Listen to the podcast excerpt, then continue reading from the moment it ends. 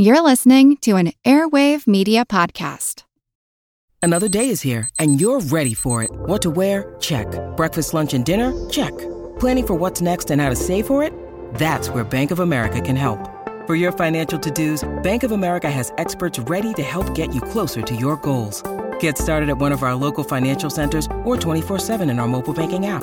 Find a location near you at bankofamerica.com slash talk to us. What would you like the power to do?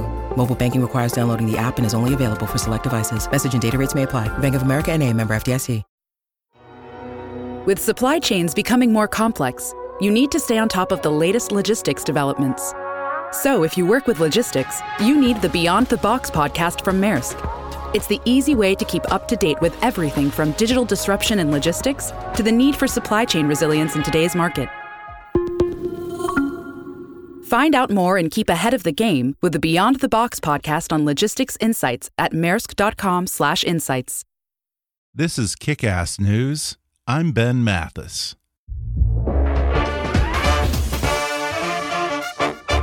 Hey folks, Ben here, and I have a big announcement. This is officially the 200th episode of Kick Ass News. And I just want to take a moment to thank you for listening to the podcast, and a special thanks to all of you who've commented on our Facebook page, tweeted us, shared Kick Ass News with friends, and emailed me your thoughts, suggestions, and words of encouragement. I especially want to thank those of you who've supported the show at gofundme.com slash kickassnews. I really do appreciate everything you guys have done to make this possible, and I hope you'll celebrate our 200th by sharing Kickass News on your social media or just telling a friend about the show or any way you choose to acknowledge this little milestone. I couldn't have done it without you, and now I hope you enjoy the 200th episode of Kickass News.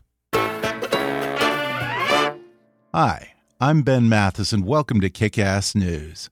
As I mentioned before the podcast, this is officially episode number 200 of Kick Ass News. I have to admit, as much as I love hearing myself talk, I doubt that I ever thought I had close to 200 hours in me. But hey, here we are. What started as a hobby has become something of a labor of love for me, and I'm glad to have you along for the ride. A lot has happened since I started this little show over two and a half years ago. Kickass News now generally ranks among the top five podcasts in the iTunes News and Politics category and in the top 20 podcasts on iTunes overall. You may also recall that we changed the name from Kickass Politics to Kickass News well over a year ago in an effort to broaden the scope of the show beyond just politics. And I appreciate those of you who stuck with us through that transition, and I want to thank you for allowing me to indulge my interests and hopefully your interests as well in subjects and people doing big things not just in politics and world affairs, but also in science, business, tech, and even entertainment. You see, for me, the best part about doing this podcast twice a week is that it affords me the opportunity to have a real conversation and pick the brains of the people I admire, some perhaps even since childhood. People who are leaders in their field, people who are pushing the envelope and seeing around corners, some people who make me look back and take in the big picture, and occasionally people I don't admire or even agree with, but are nonetheless relevant. One such person is a particular guest I've been trying to get on the show for two years now. Initially, we had him scheduled for an in person interview during one of his trips to Los Angeles, but that fell apart, and then we rescheduled it as a phone interview a few times, went back and forth, got many promises from his publicist, had a few near misses, but for whatever reason, it never happened. It's possible that he's aware that I'm not exactly a fan of his. I certainly haven't made a secret of it. In fact, I've publicly called him revolting, incompetent, dangerous, a narcissist, a threat to democracy, and certifiably insane. Yet, as much as he is my bete noir, he's also my white whale. If you haven't guessed yet, I'm of course talking about President Donald J. Trump. So we reached out to the White House to invite the president on the show as my special guest for this milestone 200th episode. He said no. Actually, he didn't respond. Didn't even bother to call me a loser. So what did we do? We got the next best thing. Anthony Atamanuik, the creator and star of The President Show on Comedy Central, the popular late night show, which he hosts in character as President Donald Trump, direct from the Oval Office. The show, which began airing in April, has become a bona fide hit for Comedy Central, prompting the network to extend its season into this fall and making Atamanuik the best and most popular Trump impersonator in America. For Anthony Atamanuik, it all began two years ago when Atamanuik performed as Trump in his show called Trump Dump at the Upright Citizens Brigade in New York. But as the real Trump gained momentum in the Republican primary and his public comments grew increasingly weirder and more disturbing, what was supposed to be a one night stand turned into an extended run at the UCB Theater, with Atamanuik giving his own up to the minute take on Trump's latest tweets, gaffes, and insults, along with a more penetrating exploration of the dark, twisted soul of the man himself. It was then followed up by the Trump versus Bernie debate tour, in which Atamanuik's Trump debated his friend and fellow comedian James Adomian as Bernie Sanders. The debate was even turned into a television special for Fusion TV, but all along, Atamanuik was hoping that Trump would be doomed to irrelevance after the 2016 election, and he would finally be free of his long red tie and his $40 blonde wig. As fate would have it, the American public voted to double down on Crazy, giving a Atamanuik an opportunity for satire that was just too good to pass up. And when Comedy Central came knocking, The President Show was born. Today, the host of The President Show joins me to talk about what initially drew him to Donald Trump and just what goes into a dead on impersonation of the President of the United States. He shares his mixed feelings about having his own fortunes tied to those of a man he considers dangerously reckless and incompetent, what aspects of Trump remind him of the guys he grew up with in Massachusetts, and how, on some level, he even relates to the man in the Oval Office.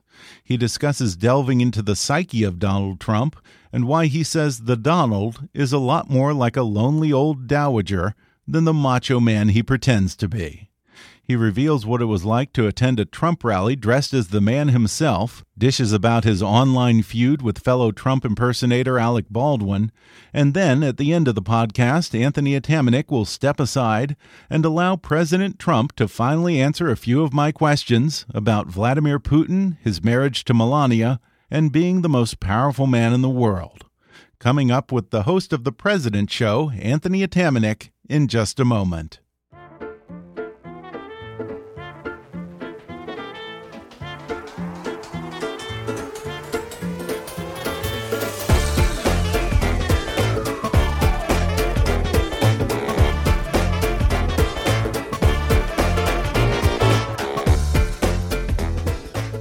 Today I'm joined by Anthony Atamanuik, who is arguably the most famous Trump impersonator in America and the host of The President Show, which airs on Comedy Central Thursday nights. Anthony, thanks for coming on the podcast. Thank you for having me on. Well, on the President Show, for anyone who's never watched it, you host a Johnny Carson style late night show in character as Donald Trump, right from the Oval Office, with all the elements of that genre that come with it, like the guest couch, the monologue, the desk pieces. You even have Mike Pence as your Ed McMahon. It's hard to imagine anyone having done this with Barack Obama or any of his predecessors in the White House, and people actually wanting to watch and thinking that it's very entertaining. Of course. Is, is, this a sign of the times and of the guy himself, maybe, that you're even able to make a hit out of an idea like this? Oh yeah, absolutely. I think um, I think that he was uniquely positioned to be made fun of in this way. I mean, Ronald Reagan, I think people forget that Ronald Reagan was enormous fodder in the 1980s. Um, and although uh, there wasn't a show where he was hosting it or whatever, but like not necessarily the news on HBO was sort of born out of the Reagan right. era. Spitting Image was born out of the Reagan oh, yeah. era. Um, so I think that when you have an interesting character as president, it will manifest in different ways. And of course, Vaughn Meader was successful um, with his uh, dinner with the Ken, you know, the with at the White House, or I forget the name of the album where he did uh, oh, the he John did the F. Kennedy, Kennedy yeah. having dinner. Yeah. And so there, you know, I think that the the the idea of the president being portrayed um, in a comedic fashion and especially in sort of like in their element is not new. I think that Trump was uh, perfectly suited for this style because Trump himself is you know, he is a sort of gauzy '70s.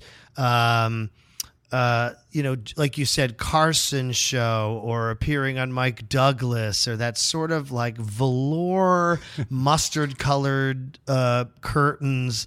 That that world, that's Trump, He right? is a throwback to He like the Mad Men era and Yeah. Sinatra kind of, yes, or wannabe but I- Sinatra. you know, really. I would say he Yeah. thinks he's a throwback to the Mad Men Sinatra Yeah. era, but what he's really a throwback is to the Flip Wilson era. Oh, He's not that. He's the Sonny and Cher era. Mm-hmm. He's the he's the era right after that era. Yeah. And so to me, yes, this show uh, was conceived sort of out of uh, the perspective of what would he do if he did a fireside chat, right? And I mean, I initially there was a lot of ideas of having like dancers and like sort of it be the the Yeah. closest pitch. If you remember the movie Casino, yeah. I was just gonna say the Atlantic City version of Donald Trump. Yes, and it's Yeah. also that um, moment when De Niro gets kicked out and he has to Oh, run right. his own talk show and he does this late night show from Yeah. the casino. Yeah. That's the idea for the show. Well, when you began honing your Trump impression about a year ago in these one man shows you did at the UCB theater, what was it that initially got your attention about Trump and made you want to do this character? Oh, I mean, I it wasn't really uh, there was no sort of moment of decision. I think that you know I had done a lot of character based shows at UCB for years and. uh, was used to putting together a show in five, six days, two days. So, you know, how it worked or how I worked at the UCB was very much like, let's take this idea, make it a show, run with it for a few weeks, see if it works, dump it. If it doesn't, do another idea. And when I improvised him and we put the show together, it just it had momentum. And then when I part with James, partnered with James Adomian, and James is so Oh, I love him. talented and Yeah, such a funny uh, guy. And and Who, who did Bernie Sanders, did right? Bernie you Sanders. guys had a tour as Yeah. a, a debate between Trump, Trump, and Sanders, Bernie. right? That was the you know that's the germ of of what this all yielded. And of course, you know James appeared on the show as Bernie and Right. will appear a lot uh, more hopefully in the future once our schedules align in the fall. And uh, I don't think there was ever a moment of thinking like I'm going to do this as much as there was a thing of like, okay, well, I guess I'm doing this more. I guess I'm doing this more. I guess I'm doing this more. That was it. Yeah. I mean, I'm sure that you didn't imagine that you were going to be doing Trump after the election, much less a year later. I had hoped. Um, I had hoped, but I'll tell you, in the closing weeks, I uh, I I had a very sort of bifurcated mind.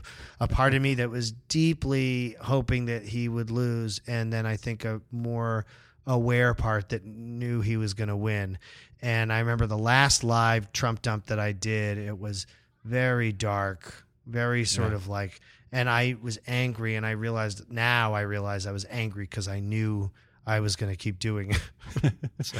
Well, yeah. I mean, do you find yourself walking a thin line between doing a spoof of Donald Trump and possibly making him too lovable or too goofy? Because you're kind of rooting against the guy, and yet you're rooting for yourself as the guy. I think I I root for um I root for the thing that we've discovered. Mhm. How's that? I root I root for like what we've discovered about how we assess him. Mhm. And uh, you know, I have a I don't have a, a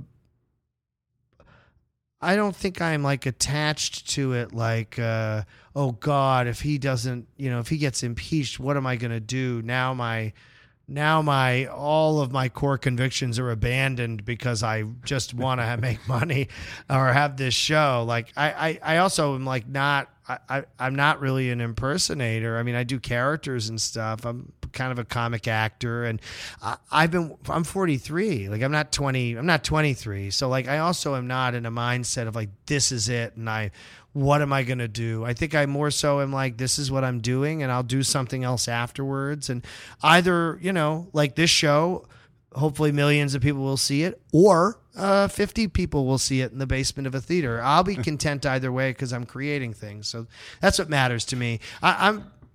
Hold on. Yeah. Hi. We're taping. Yeah, well, Okay. are you with ABC? Uh, no, kick out We have the room till 4:45, I think. Yeah. Sorry about that. Uh huh. All right. we. Uh, okay. Didn't read the sign. Yes. Wherever we were. That there. was a great little- version of aggression for no reason Yeah. when you're the person who's in the wrong. Yeah. That that was what I just witnessed was a person who is in the wrong being like I can't be in the wrong. So I have to just tell you that you're embarrassing yeah. yourself. Yeah, we just had someone who, for the listeners, we just had someone walk into the press room and make a bunch of noise and then act like we weren't supposed Yeah. to be here or something. And I feel like that's a weirdly Trump move, isn't it? Uh, well, is it a indicative of the weirdly Trump move, or is it actually just a very human move? And Trump is actually, ironically, a very human president. Whereas what you realize, I think, about presidencies, at least I'm learning from him becoming president, is there is actually all there's been this whole thing for so many decades, right? Where it's like, can't the president be more cool? Can't the president be more fun? Hey, you know, the bank's more fun. Chase Manhattan's a fun bank, right? Everything has become about like breaking down the systems, right? And mm-hmm. breaking down the norms because the norms are so uptight, right? So now we spent what 20 years this sort of marketing campaign to break the norms down. And now we broke them all down. And what do we have? We have no ability to understand or respect each other. We have very little ability to relate to each other in a way that isn't primarily hostile. And we've elected a person who clearly does not have the intellect, dignity, or ability to be the president. And so what you learn is, oh, that sort of performed version of a person, that political thing, is actually a necessary evil in terms of the high offices of government that require people to have a certain level of dignity that lives mm-hmm. above the common human behavior. And that's what you just saw. This fucking prick.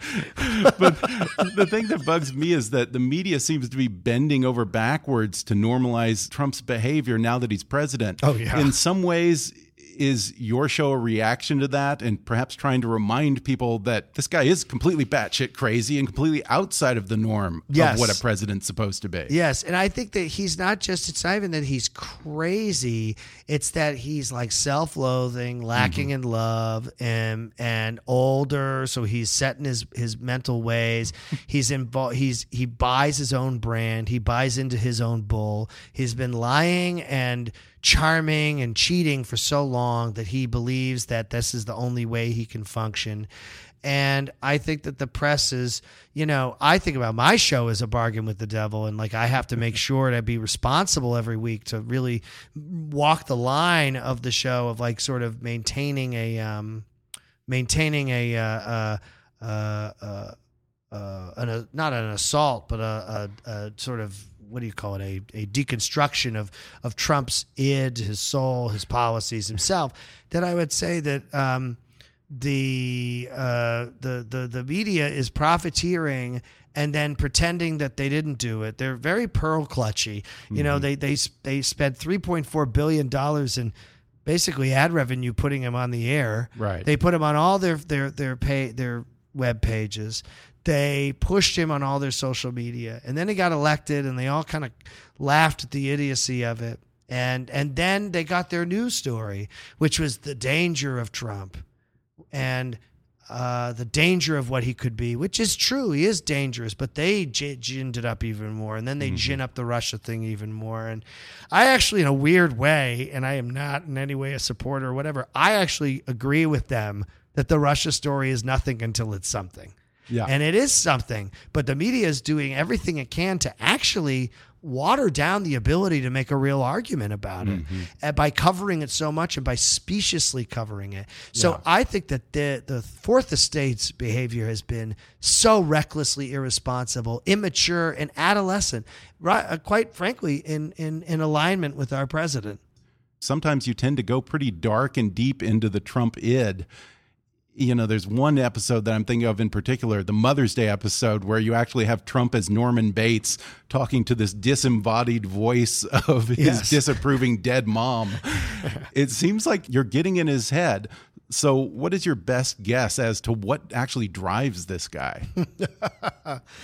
Uh, I think what drives him is um, a sense of appreciation and attention and I think that he, I guess is I think he likes experiencing things. I think he, I think he likes to a certain degree. You could say that about a child, though. Yes, but yeah, but I'm saying like I think like there's that very telling moment in that interview when his granddaughter comes in to speak Chinese, that audio, and in that moment, I don't think you see this is I don't think he has the calculus to be performing himself. I really mm-hmm. don't. I, I I think he performs himself in a way that's unconscious. I don't think it's a very conscious performance. Um, I think he is in love with his performance. Like if he's giving a speech and he likes how he sounds, he'll like get into doing it. But yeah. there's nothing calculated with him because everything he does is of the moment. The only calculation he's making is in the moment. And so I think he has this very natural, real moment with his granddaughter where he's very proud that she could say something in Chinese and um, and I, I don't think it's wrong to see him as a human being and to see that like all things, you know, all people, the complexities of who he is are as deep and real as any one of us. And I don't think that takes away from him or takes away from the argument against him or anything. I actually think, if anything, it it reminds all of us to to both uh, uh, figure out what our problems are with our president or who he is or the system that put him in place or the media system that elevated him or the Republican mm-hmm. Party that sold itself out to have him as the candidate or the Democratic Party that sold working people down the river for how many decades and garnered a black vote without doing anything for civil rights uh, besides marginal slipping away of, of, of funded programs that help the African American community. Like, let's look at all that. This is just one guy. And this one guy is flawed and weird and kooky and also a person. Yeah. And I've done some weird shit in my life. Everybody has. And so this, and, and that's not me um, equivocating with him. That's like, I think performing him, you have to have a relationship with the mm-hmm. person. Mm-hmm. And, and so, uh, so I would say like, you know, there was a story that uh, uh, someone was telling on the panel today at Politicon, and about you know him him seeing these kids studying, and he cleared an area of Trump Tower. You know, there's all these like Trump stories. You know, these sort of. and so I, I, said to him, I said, you know, that is a great story, and how's this? I bet he did it, and I yeah. bet he did a really nice thing for these people. Mm-hmm. But the thing you need to get about him is he did it not for them. He did it because in that moment in his narrative, he went, I can be this great guy mm-hmm. and do this, and then they'll love me, and. Yeah everyone will see and know that I did that. And, yeah, and, and, it has to be his decision every time. Exactly. But there's no consistency. He does not derive out of that, oh, I should come up with some sort of voucher program for people trying to get into community colleges or whatever, right? He doesn't then conceive of a policy. And this is where all the Trumpers are so bizarre to me. This desire they have to pretend he is the great leader. He and here's the thing, he's almost not even doing that. They do it for him. Yeah. This bizarre, almost Kim Jong Unish, Stalin esque sort of like great leader. Look what great leader does and the great stories of great leader.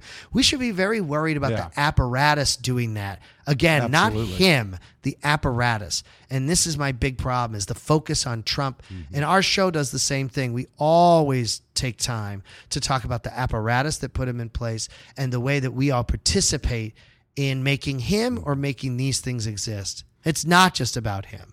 We're going to take a quick break, and then I'll be back with more with Anthony Atamanuik when we come back in just a moment.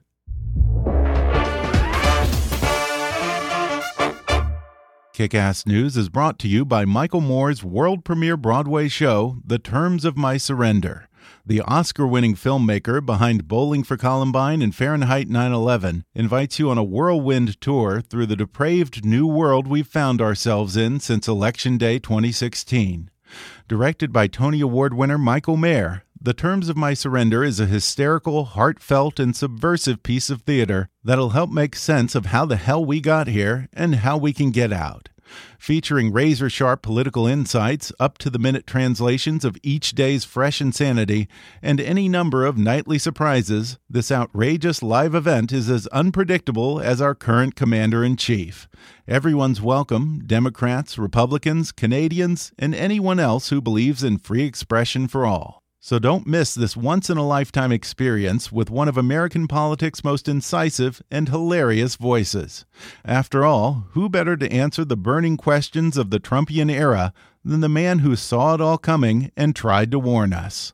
Michael Moore's The Terms of My Surrender, on Broadway for a strictly limited engagement.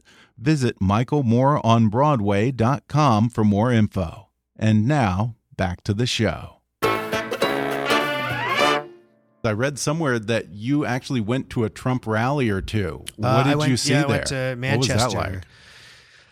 Uh, You know, I mean, it was very similar to the Bernie rally in the sense that Oh, there were a lot of well, there's a lot of A lot of people passion. and a lot of Yeah. passion. So, I mean, I'm not trying to make some weird comparison. I'm just saying that I went to a Bernie rally, I went to a Trump rally. So, what were similar? Um, there were about the same mix of young people and old people. Mm-hmm. There were about there was same amount of passion. Um, and uh, there were also two men in their 70s speaking. So those are the three similarities. then it departs radically. The Trump one, it's like uh, people with angry faces cheering, which was very Yeah. interesting to me. And I was in New Hampshire, so you know I'm from New England, and looking Right. at a lot of those You're from faces, Massachusetts, I'm right? from Yeah. Massachusetts, and, and looking at a lot of those faces, I went, I know these faces. I Mm-hmm. grew up in town, a town with these faces, and yeah, it, it was a again, a hard, it's a hard thing because you look at those people and you go, those people are hurting, man. They're hurting, and they like, they buy him, you Mhm. know, and and yet when they all are together like that, it's so angry, and it's allowing people to have catharsis that's inappropriate. And I think the Huh. most dangerous thing was how he legitimized irrational anger. He normalized irrational anger It's acceptable now. and it's acceptable to have fits and to lecture and scream Mm-hmm. and and um, I think that was that was the most interesting thing about it. And then I thought the other interesting thing was I was dressed as Trump, and um, I was standing there just for a little bit at the edge of the press thing. And I was mirroring him and lip syncing to what he was saying. You know, we were trying to get stuff for our, our show at the time. And all the press pool turned, all the cameras turned away from Trump and turned to me. oh yeah. And what I thought was so interesting was, yeah, I'm sure they thought maybe they were, I was going to like, you know, do something crazy or whatever. But I remember being like, wow, the power of just his image is mm-hmm. so amazing. It was like they didn't know what to do. They didn't know which way to go. Yeah. Um, but it was uh, it was a weird experience. But I've always found political rallies to be weird experiences. um, and the Sanders event, I have to say, the testosterone, the sort of aggro level was the same. hmm I, I will say that. Really? Okay. Same level of sort of male, weird young male energy.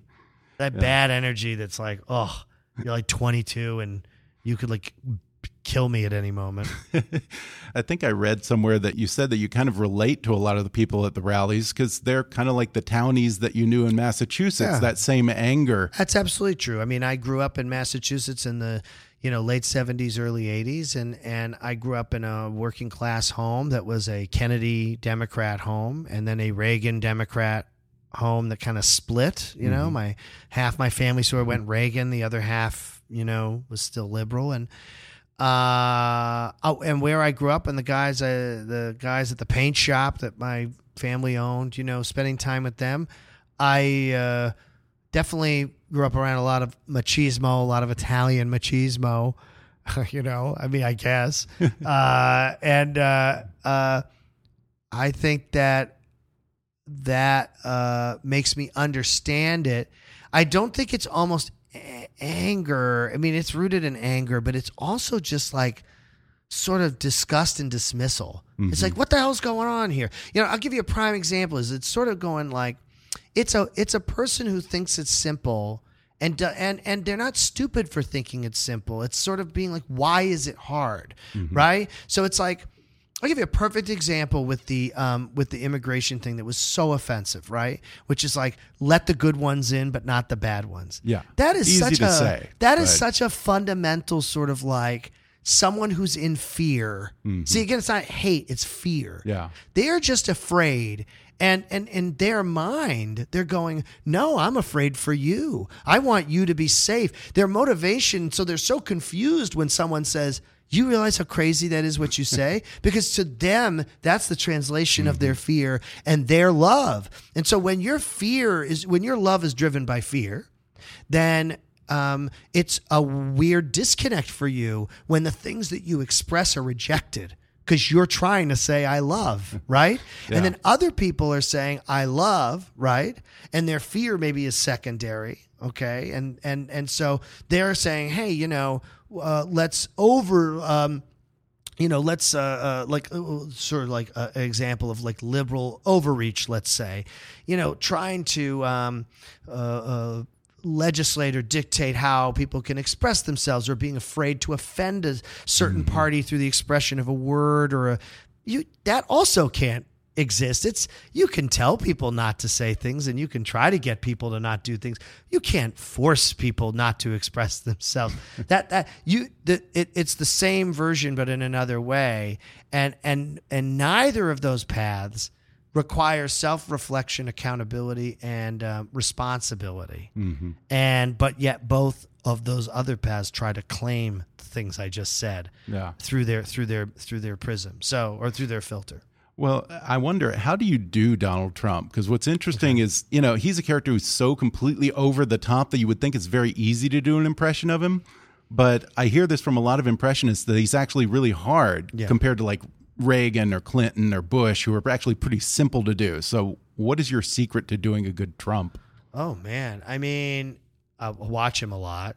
Um, you know, there's, I think the best way to start from him is the sort of uh, apprentice or like early road Trump.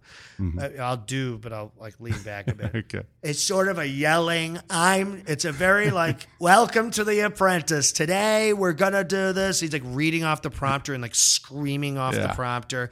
It's very in the face, squinting and keeping the jaw moving it up and down. And it's a square, like a rectangle square that gets stretched. But as he got more familiar, th- there's like a there's a sort of almost like um, Stevie Nicks quality to him.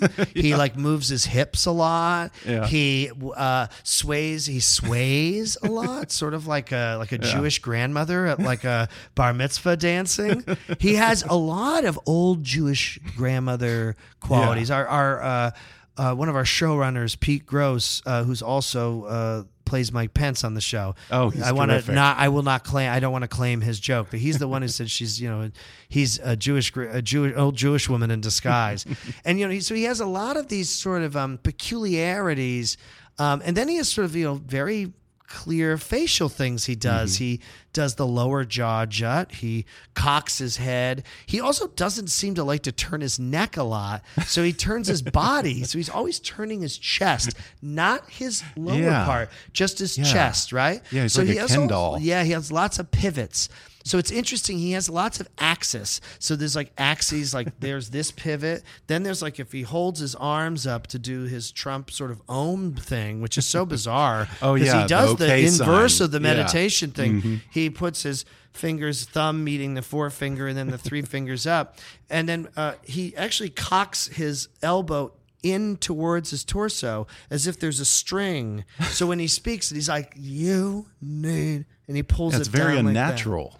It's very na- what I'm doing now. well, no, Or- him doing well, it. Yeah, it's well, it's unnatural for you to do It's it too. For anyone, It's like un- looks very uncomfortable. And then he curls Yeah. the hand, circle hand, point, point, uh, wide hand, sort of almost Fosse jazz hands. and uh, then you get to his lean forward and his bulldog face, his sort of Mm-hmm. Like attempt at a Churchill, his. Um, uh, his El Duce, where he sort of brings his The puffed up mouth- Yeah, he chest, puffed yeah. up chest. Yeah. And so once you get all those components, then you look at like his speaking patterns. So there's the yelling Trump, then there's the grandmotherly Trump yeah. very quiet.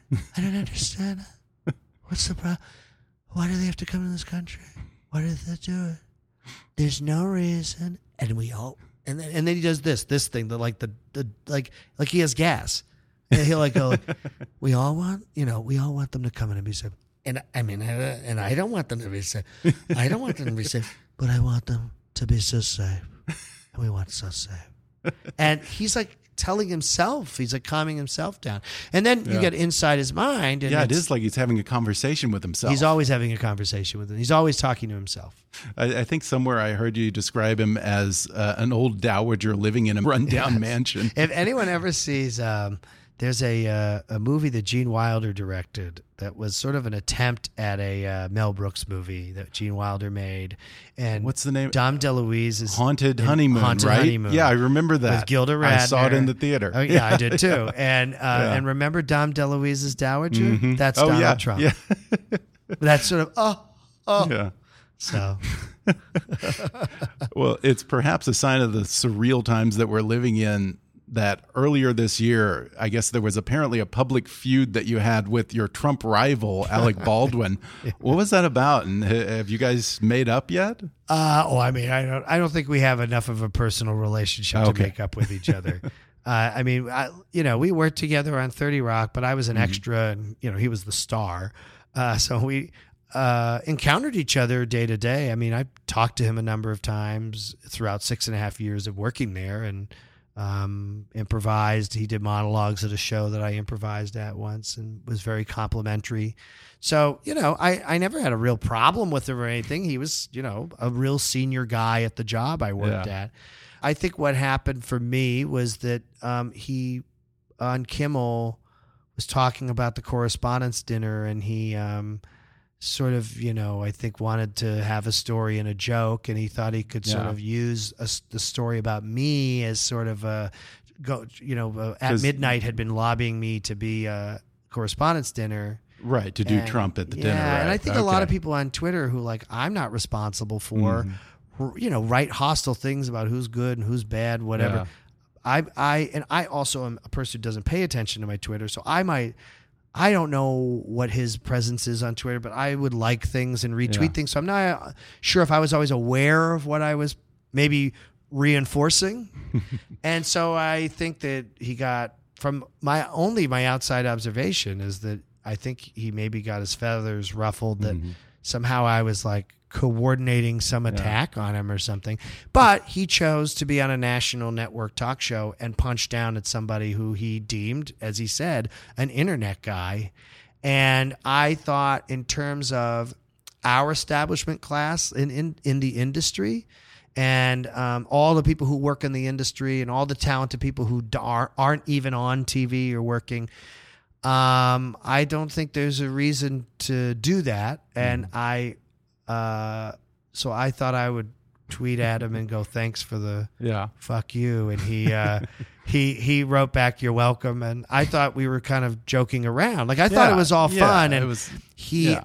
uh, you know, and granted, my partner James, who I love, I think he got very defensive of me, and Hmm. I think he cast some sort of maybe dispersions that weren't Hmm. very helpful to the conversation. And Alec kind of blocked everybody and whatever. But you know, listen, there, ev- our Trump is very different from their Trump. Yeah. it's just a different thing, and we need all of them out there. We need every bit of satire that exists out there. Um, so I uh, and competition is healthy. Mm-hmm. So I enjoy the competition. And listen, I'm not going to say that it isn't really great to be the extra on a television show that the other guy was the star. And you're like giving him a run for his money. That's a great feeling, for sure. Yeah. Well, yeah, 'Cause- because you've gotten extended. So Yeah, we've It was gotten supposed to be a summer show, and now it's going into the fall. So congrats on that. You know, hopefully make them Yeah. do better work as well. Um, I know Comedy Central bought a billboard ad uh, for the President Show At somewhere in Florida. Yeah, about three miles from Mar-a-Lago. Were you hoping to get his attention and maybe even get him to watch? And has Uh, has he? I, know if he I, I can't confirm that he's watched. I can Okay. say that uh, our show has been two weeks, consistently about two weeks ahead of him. Uh, so, you know, he he had that orb thing with the Yeah. the Saudis. Well, we had an orb, a flesh orb that he put his hands around on our show. um, we our catchphrase is "I'm the president. Can you believe it?" Yeah. And he said, "I'm the president. Can you believe it?" Two weeks later in the Rose Garden, um, we. Oh, there's so many. I mean, we aired the mob thing. We did Oh, a mob piece, and then Scaramucci was hired the next day. Yeah. Um, And Joy I love Behar. who you have playing Scaramucci now. Yeah, we have Mario uh, Cantone. the incredible I can't Mario. imagine better casting. Mario Cantone, and let me tell you, I sound like Trump right now, but I'm going to sound like Trump. Let me Yeah, tell believe you, me. believe me. See, let I me can't tell do it, you, but you can believe do it. me. Uh, Mario Cantone's performance of that was an, im- Yeah. incredible study, and it is has nothing to do with him having some of the features of the the the mooch. It was Yeah. his performance. We Mario is an old family friend of ours, and Oh, like, really? and my mother taught him dance at Emerson College. He was in West Side Story. And I think we actually have, because we're both Italian, we have like way, way distant cousins who we think might have been involved, like in whacking one or the other. So like we have like this history, and like I, but I, I want to, I, I just want to say like he, everything, you know, the internet really wanted him, and mm-hmm. we questioned that The you know there was a, couple, a little bit of question like, do you answer the internet's request? You know, and it was, but I know how so oh, talented he is, and he did such an incredible job, and will continue to do a great job on the show. And that's the best thing about our show is I say we're the antithesis of the Trump administration. we're this inclusive, artistic Yeah. place. Yeah, you really are. fun work. And before we wrap Yes. up, I mean, real quickly, I just want to maybe ask Donald Trump a few questions, if I may. I'll, sure. Don't worry, I'll be very fair. Fire away. You won't be fair. Okay. You're fake media. All right. Kick fake ass news. That's what they call you, fake ass news. Okay, Mr. President, you finally met face to face with Russian President Vladimir Putin at the G20 conference. What was your impression of him, and what did the two of you talk about in private? we were at the dinner and he was sitting next to Melania. And you know, the state dinner, they go for a long time. And I was next to the Japanese guy. He didn't say a word. So I said, I want to talk to Putin. I got to get up. Plus, he had, he got this dessert that they ran out of.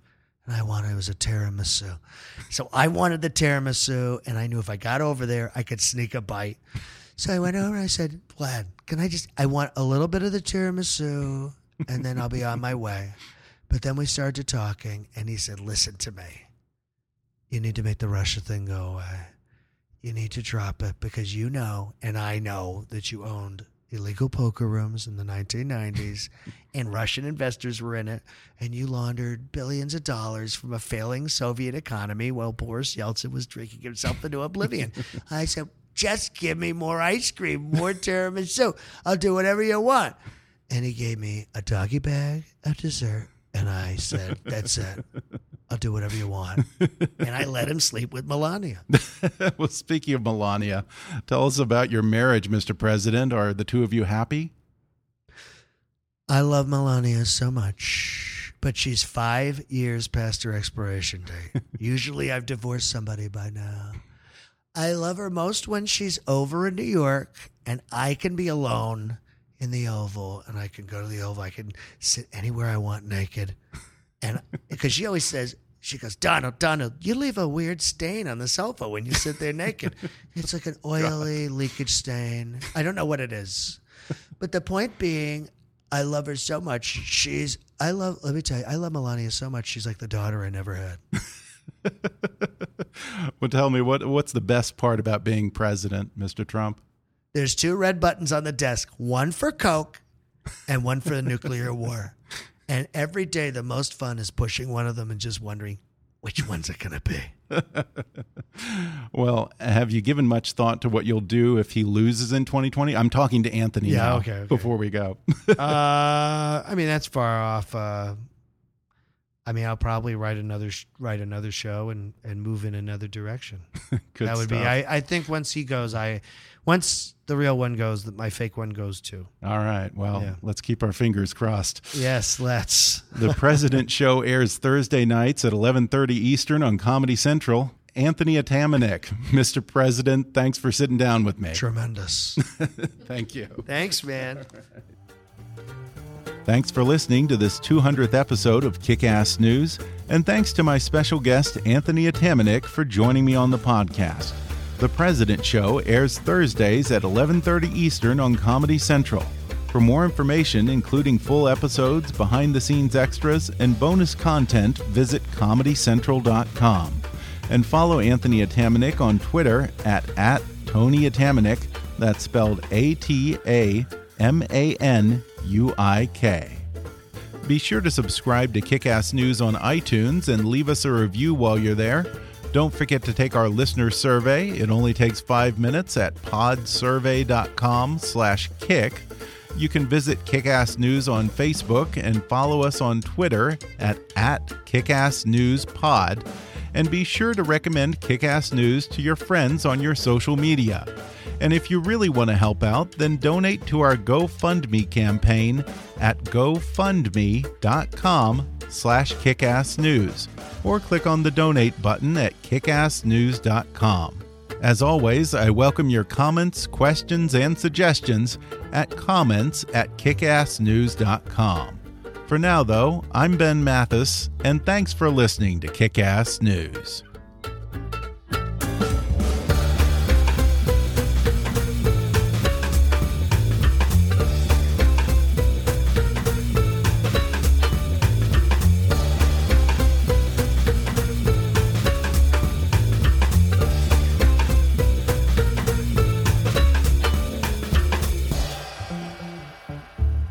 Kick Ass News is a trademark of Mathis Entertainment, Inc.